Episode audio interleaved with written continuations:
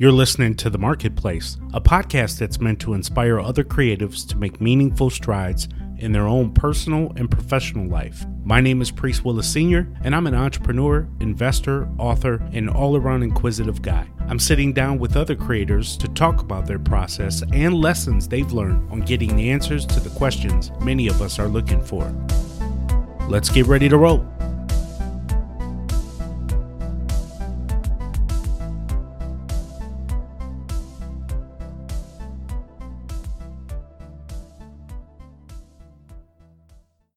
The pleasure to sit down with Professor Daron Acemoglu, who is a professor at MIT in economics. He's a recent author of Why Nations Fail. The book is The Origins of Power, Prosperity, and Poverty Why Nations Fail.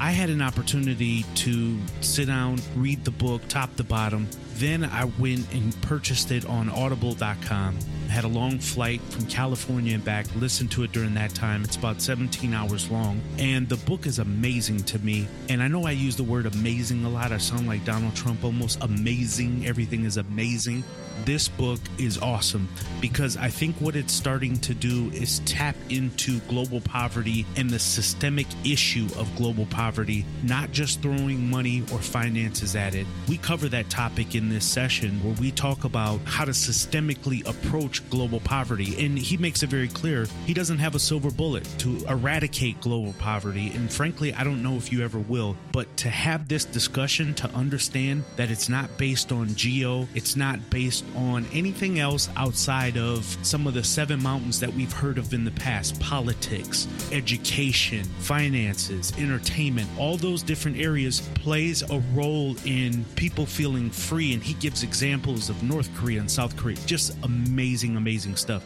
Start with this episode 11 of Missions and Marketplace podcast. I promise you, it'll be good. You don't want to miss it. Without further ado, here is Professor Daron Acemoglu. Welcome to Missions and Marketplace podcast.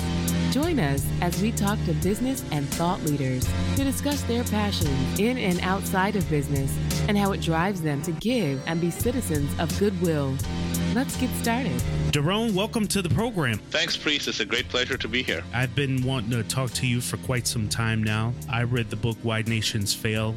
I was inspired by it. The, the title actually is The Origins of Power, Prosperity, and Poverty Why Nations Fail. This book, and I, I mentioned this to you offline, was one of the most inspiring books that I've read ever, frankly, um, in terms of outlining about global poverty and all that kind of good stuff, which we'll get into. But why don't you tell the people a little bit about yourself? Well, I'm a professor of economics at MIT. I've been here for over 20 years. You know, life goes on very fast. You mm. don't you don't realize it. But I was actually born in Turkey. Uh, I did my high school education in Turkey. Then I sort of uh, went to the UK. I did my undergraduate and uh, graduate studies uh, in in Britain. Uh, so uh, I did my master's and PhD at the London School of Economics, and then I came to uh, the U.S. MIT. And uh, you know, the thing that took me into economics and social science was that as a, as a high school student, I started wondering about my own country, Turkey, why it was such an economic mess at the time and mm. why it also was such a political mess. Mm-hmm. You know, mm-hmm. that was the 1980s. Turkey had a, a, military coup in 1980, and its economy was uh, in a bad state both before and after the military coup. I started reading first about the US and Europe, and it seemed like they had a very different economic system. And, and so I was saying to myself, well, these could these two things be fundamentally related? But of course, what do I know as a 16 year old? so I started reading, you know, probably confusing me more, but I, I loved the question. So I wanted to dig deeper into it. And uh, uh, rather than go into engineering like many good students in Turkey would do at the time, I said, no, I want to go into social science. I want to go into economics. And, and I thought economics was exactly the subject matter that would concern itself with these linkages of economics and politics you know, as soon as I started an economics course at the University of York, I, I realized that wasn't economics but I loved economics. I, I, I, sort of I passionately loved it how it was using mathematics and rigorous thinking and empirical data for answering major questions, albeit these weren't the major questions that had initially drawn me into economics. I just loved that. And then so I stuck with it and uh, I, I stuck with it beyond undergraduate. I went to graduate school and started doing the sort of thing that was popular at the time among some group of people thinking about economic growth and human capital and technology, things that I still find extremely interesting and I devote quite a bit of my time to them to this day. But then, and a couple of years later, I started realizing, well, perhaps you know my childhood passions were not totally beside the point here. That we have to bring the political element into investigation of economics, uh, so economic growth, technology, economic development, and that's the sort of uh, line that drew me into uh, political economy. And then a another sort of uh, critical point for me was I met my longtime collaborator James Robinson, uh, and and I, you know, I had met him before, but then you know at the conference we started talking, and it seemed like you know he had a journey uh, or intellectual journey similar to mine. You know, becoming a little bit dissatisfied with the lack of of a framework and emphasis on policymaking and institutions and political factors in economics. So we sort of teamed up and started working, and it was that work that led to Why Nations Fail and a lot of the research that uh, that underpins it. Yeah, I was just going to say, uh, James Robinson, your co-author, you and James Robinson here. I was going to ask what was the genesis of it, but you're kind of leading right into it. That you kind of had center stage being born in Turkey and seeing the political atmosphere, and you talk a lot about this in your book, where you draw the connections and the parallels between kind of there's this inclusive economic system Mm-hmm. And then there is this dictatorship, and I don't even know if that's the way to say it, but are we kind of leading into, and is this book suggesting that, hey, if you want to build prosperous nations, because the question is why nations, why do nations fail essentially? But if you want to build prosperous nations, are you saying we need to start moving more towards inclusive economic institutions like yeah, the U.S. and other places? Absolutely, absolutely, and uh, and in fact, you know, uh, there are other perspectives. Before I jumped into ours, you know, we don't discuss this as much in the book, but given the way that we introduced the topic, you know, there have been other social scientists that say, oh, you know, economic prosperity and good things such as democracy. Well, at least for now, let's take that democracy is a good thing, which I very much believe, but some people would argue against True. that. But democracy and uh, perhaps even civil rights, human rights, etc., all travel together. You know, there's a modernization theory that goes to the American sociologist Martin Seymour Lipset, and you know, it says well, you know, if you get prosperous, then you can afford these things and they come naturally to you. You know, we sort of very much disagree with that some in some of our research and in why nations fail. So our perspective is very different. In some sense, our perspective is that you need to build what we call inclusive economic institutions and inclusive political institutions for long run prosperity to emerge. And by inclusive economic institutions, we mean economic arrangements that secure property rights so that people can enjoy the fruits of their investments, innovations, hard work, contracting institutions, judicial uh, institutions that will be unbiased and uh, adjudicate disputes in the right way so that again uh, people can go into business and uh, make the right investments as workers and entrepreneurs. And also crucially a combination of rule of law and a set of investments in education, infrastructure, health that create a level playing field so that it's not just the fortunate or privileged few in a society that are able to partake in these economic activities, but everybody. So, in other words, these inclusive economic institutions do two things. First, they create incentives for people to use whatever talent whatever creativity, whatever resources they have in the most productive way. But second, and also crucially, they provide opportunities for the majority of the people so that everybody can be part of this wealth creation process. And and you know, the catch here is that most societies in the world today are not fully inclusive, and most societies throughout history are not inclusive. And in fact, they're much closer to the polar opposite, what we call extractive economic institutions, insecure property rights, a biased legal system, coercion, lack of rule of law, lack of law and order, entirely absent level playing field. So there is nothing like equality of opportunity. And these economic institutions, we argue, are in turn undergirded by political institutions. So, in order to have inclusive institutions come to bear fruit, you also need inclusive political institutions which are distinguished by having a equal distribution of political power in society so that it's not one ethnic group one race one social group one economic group one family one military junta that dominates politics.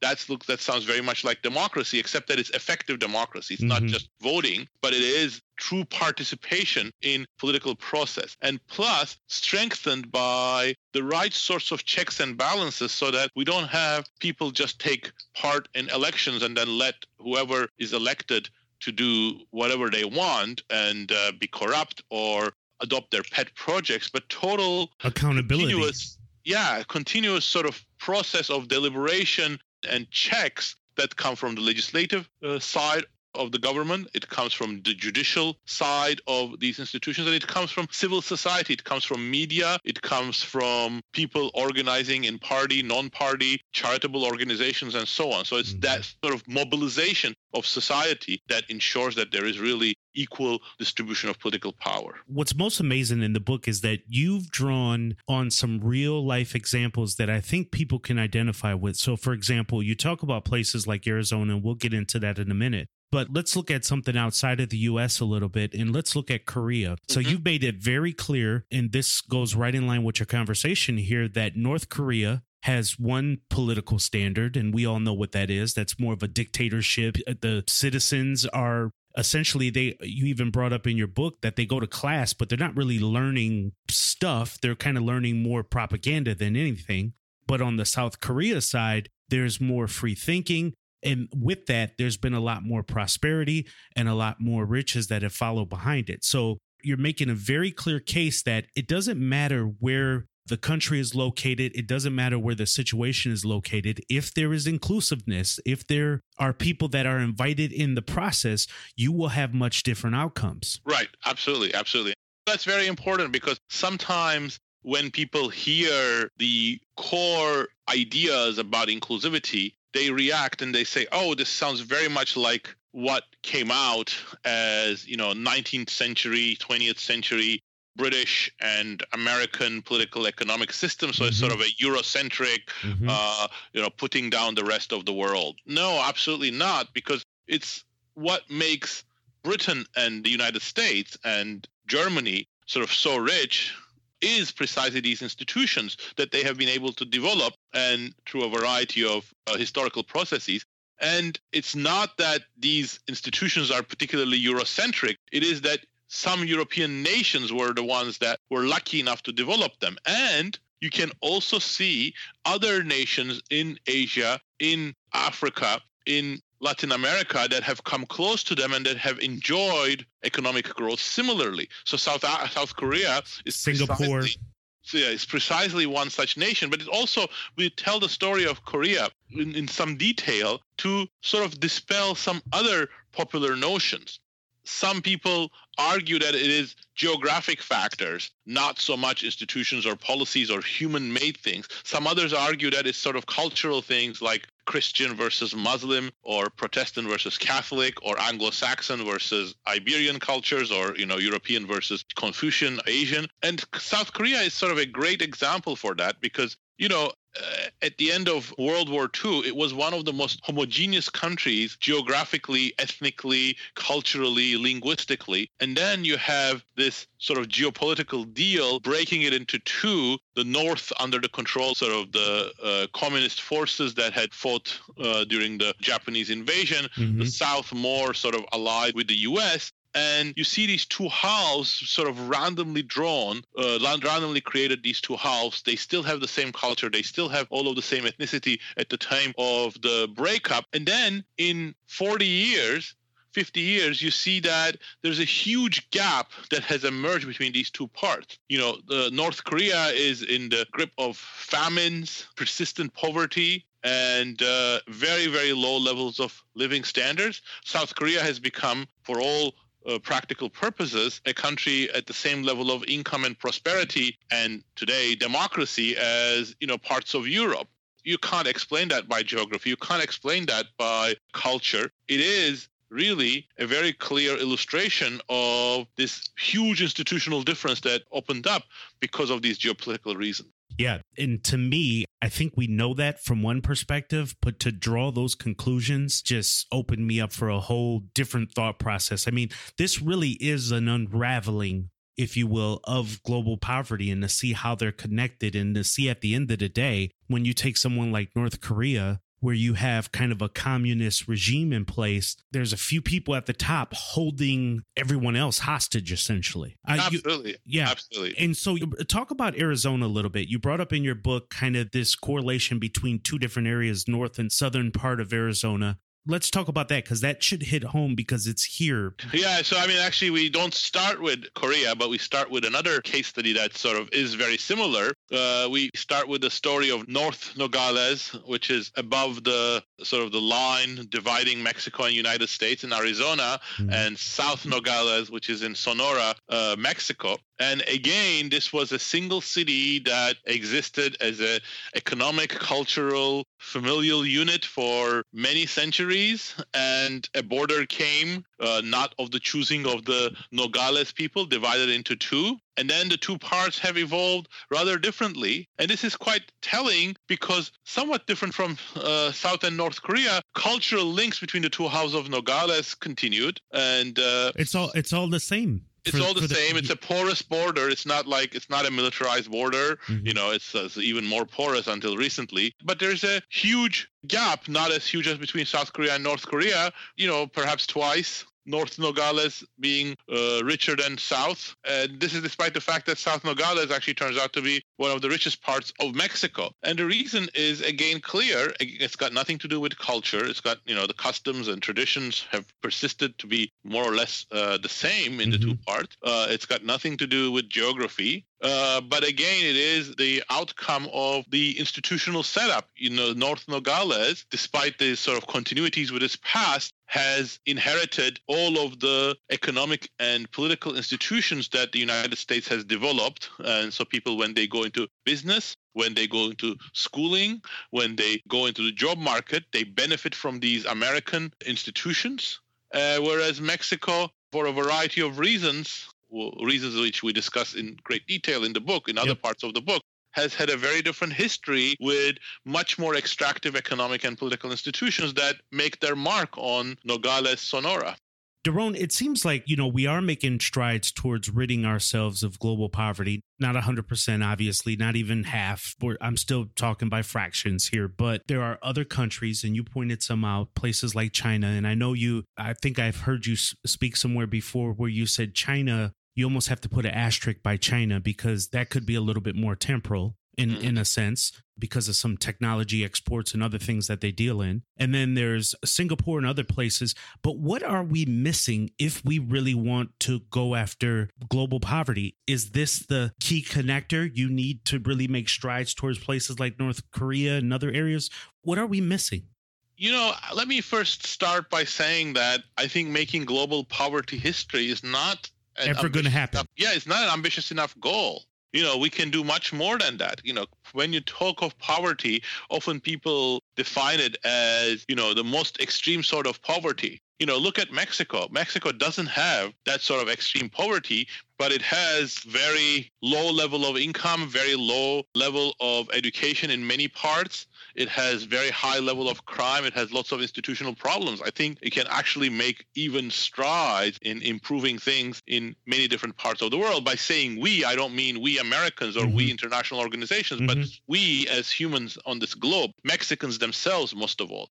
So I think, first of all, making poverty, the extreme form of poverty history, cannot be a goal that, that just the goal for the next 50, 40, 60 years but we have to sort of uh, put it even more ambitiously as creating prosperity around the world. So is now, is Mark Zuckerberg and, and, Warren Buffett that are just throwing money, Bill Gates and those guys throwing money at it? Is that well? Let me let me come to that. So let me come to that. So that's a great great question. So the question is, okay, so we've made some progress on making sort of extreme poverty less widespread around the world mm-hmm. is that because of the aid industry. You know, there's a billion dollar foreign aid industry that that is coming out of the passion to sort of deal with the poverty. So you have to really respect that industry. But in the book, we also argue why that industry is misguided. And let me sort of uh, make the case for that a little bit. Yeah, please. First of all, you know, we have made great strides, as you've mentioned, in reducing world poverty. But that hasn't happened because some people gave aid and that aid lifted people out of poverty. Sure, sure, some of the aid has helped the direst forms of famines around the world. But, you know, how did,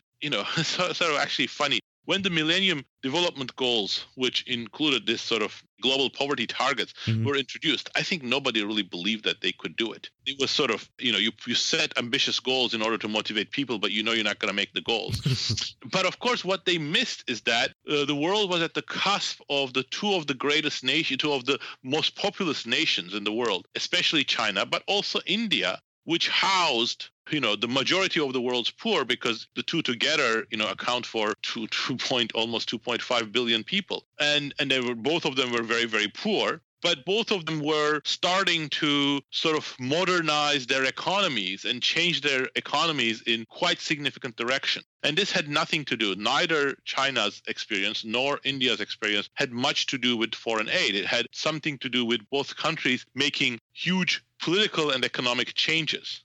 So I think that's the first sort of point that we mm-hmm. can talk about China's uh, situation because yep. you've hinted at yeah, that. Yeah, I, I, did want to kind of touch right, on that. But, but, but I want to sort of say one more point before I uh, let you ask that question. You know, I think there's a simple reason why that for a foreign aid industry is not going after the right target because the modus operandi of that industry is there is poverty. We can give money. If that's not enough, we can give more money. We can give it more cleverly. We can design it. And all of these are possible things. But at the end of the day, they are operating under a given set of institutions. And if it is institutions, it is lack of state capacity, it is lack of rule of law, it is lack of courts, lack of property rights, lack of opportunities for the majority of the people, you're not really going to be able to resolve those issues by pouring money, especially pouring money into the hands of governments that are controlled by dictators, mm. kleptocrats, elites that are not interested in their population's welfare. They just steal it, and it falls within their red tape and everything. They're going to steal it. Or you can try to say, and some of those uh, people you know, who are clever about it do say, let's not go through government, let's go through NGOs, non-governmental organizations. But that doesn't work either. You know,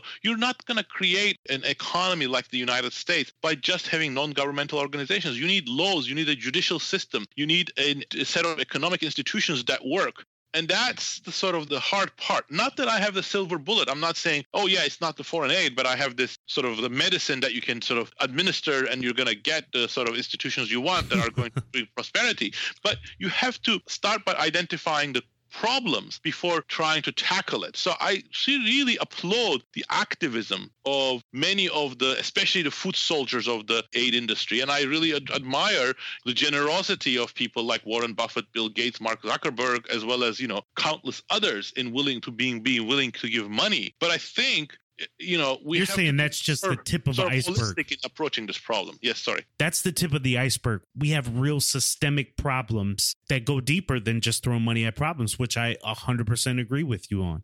To me, Daron, it's no different than if you take a family at home, just because you give them a raise and they were making $50,000 and they make $100,000 and that may solve their debt issue or whatever it is for that period, it won't negate the fact that they may have some true underlying issues there that at some point will rise back up and become a problem when they're making that much more money. Absolutely, absolutely. I agree with you 100%. So I wanted to discuss a little bit and this is uh, you know, I want to wrap up here. Well, let me just take one step back and kind of go back to China. So I've heard you speak somewhere and kind of allude to the fact that China, you know, although their system is what we would deem as successful to some degree and they've been benefactors of a lot of exports and a lot of US trade goods and other things, but I thought I heard you say somewhere that it was temporal look, they have their own political issues and they seem successful even in spite of that. But can you kind of elaborate on what you meant by that? Sure. I think it's, it's very important, especially it's very important because, you know, we've already talked about uh, China and, you know, we all have to applaud China. It's been the greatest economic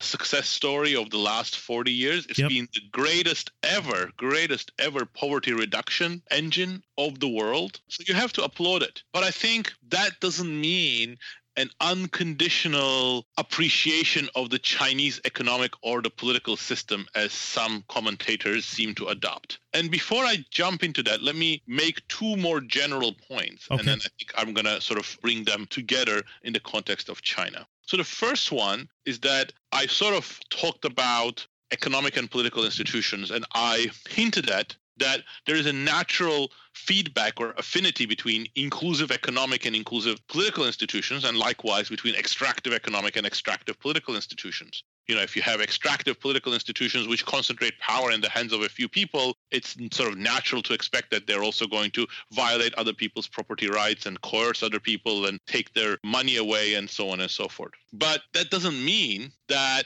extractive political institutions always imply extractive economic institutions. You can have certain periods of time during which you have extractive political institutions coexisting with inclusive political institutions, uh, sorry, inclusive economic institutions, and that happens particularly when uh, extractive economic institutions find it in their benefits to attempt to grow the economy either for economic or political or social reasons. Mm-hmm. And then the second point, which we emphasize greatly in the book, is that not all growth spurts are a result of inclusive economic institutions. You have such things called or we call extractive growth experiences. And by that, we mean both what I just described, which is that an extractive political system finds it in its interest to encourage investment, encourage technology adoption, or can build on its existing comparative advantages, you know, that would be a bit like, you know, Qatar growing very rapidly because it has an entirely unjust economic system dominated by a small group of uh, elites but it has oil. Or it could be like Barbados or Jamaica or Haiti, you know, in the 18th, 17th centuries, you know, growing very rich based on slave labor because they have sugar. But it could also be just like Soviet Russia, fueling rapid industrialization under the iron fist of Joseph Stalin through military. But, yep. Right. Military, yep. coercive, killing people, collectivizing farms, but getting economic growth. Yep what's common among these experiences is that none of them last. Mm. They don't last because extractive economic growth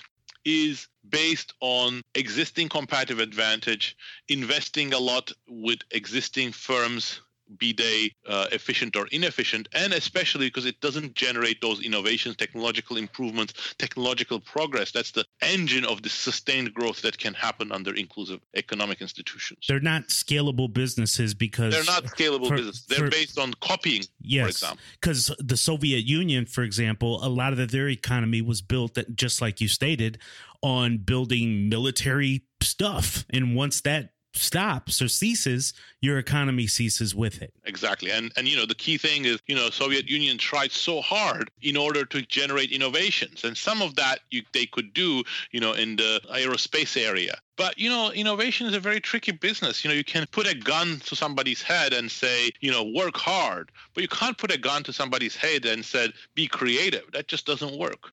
Now, with this perspective, what happened in China? You know, what happened in China is really a very interesting combination. The first thing is that China entered the 1970s under Mao as one of the most distorted economies under an extreme form of extractive economic and political institutions. There was no market system, extreme repression, the entire agricultural sector, which accounted for the great majority of the Chinese output, was collectivized. You know, you were told to you grow this, you use this much fertilizer, you use this much of seeds, and you produce this much. And that's it. And after Mao's death, you know, some people had tried this before Mao's death also. After Mao's death, there was a power struggle and the hardliners lost. And the first thing that Deng Xiaoping and uh, people around him did is they said, okay, we're going to try to introduce market incentives. They went very slowly, but even if they went very slowly, it was so radical. You know, they did not introduce private property, but they introduced market incentives and prices. They said, okay, this land that you're now farming, you can grow stuff that you want and you can respond to some sort of quasi market prices. And that revolutionized Chinese agriculture. A, a, huge amount of this sort of poverty reduction that we see from China and therefore in the world comes from the agricultural income growth that came with the introduction of these prices and then gradual introduction of private property into the countryside of China. And then you have the next stage where, you know, you have these huge mammoth uh, state-owned enterprises, and then slowly they started, you know, reforming those and introducing some sort of market competition into the industrial sector. You know, that brought another wave of economic growth. This looks very much like the first part of what I talked about. You go from extractive economic institutions, just like the ones that look like North Korea, mm-hmm. to something that looks more like South Korea, and then you know you get higher productivity, you get growth. But it also has elements of what I just talked about. It's just an example of extractive economic growth because China never created anything even remotely approaching inclusive political institutions.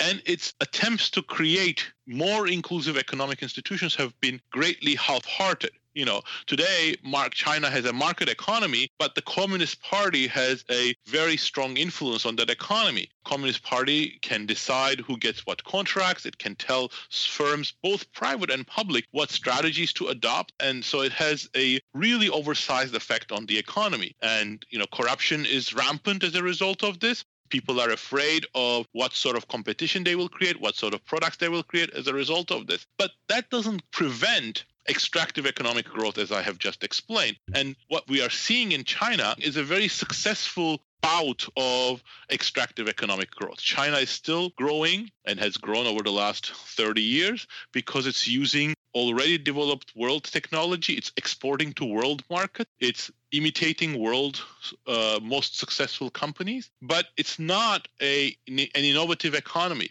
It's not an economy that's creating niche products. It's not an economy that's creating the products on which the consumers of the world of the next century are going to build on. And so this sort of economic growth, if I if, if our analysis is right, just like that of Soviet Soviet Russia, is not the one that can last unless, and that's a big unless, political reform and changes in political institutions are forthcoming. But if you look at recent Chinese history and the current events, you don't see any evidence that the political institutions are at the verge of changing. Therefore, that makes us pessimistic compared to many international organizations and many pundits about China's medium-term growth prospects. You know, medium-term economic growth, meaning China, once China, say, reaches 50% or 60% of the income per capita of the United States really needs to rely on these new technologies, new innovations.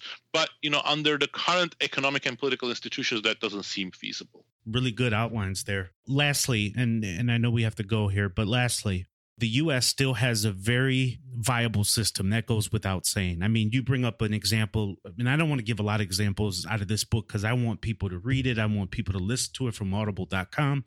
But you talk uh, you talk about Carlos Slim the things that he's been able to pull off with the Mexican government, and then in some respects tried it with the US government and failed because of a lot of systems that we have in place to make sure that everybody has a fair opportunity within the market and other things. But, you know, as we talk about inclusive politics and, you know, people are looking at the political fights and things seem to be more vicious than ever. And you probably could say that for every political run. And then there's Wall Street versus Main Street. What do you think this could mean for the financial health of this country if we continue to go at the rate that we're going for people to scream for big government or small government, this party over that party.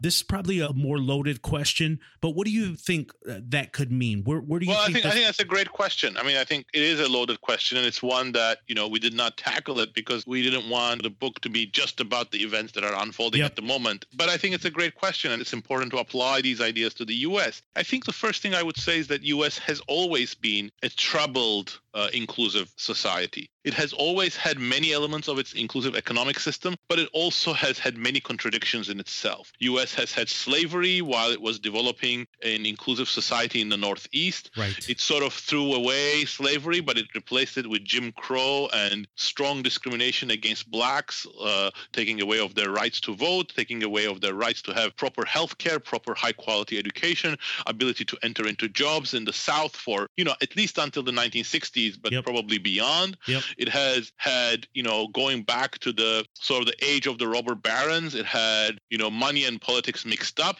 but it has also had this capability to try to correct its ills. It sort of fought against slavery, it fought against the robber barons and introduced stronger institutions because it was an open society, and it fought against Jim Crow and all of the other things that I mentioned through the civil rights movement. Today, the US, I think, is facing another set of challenges.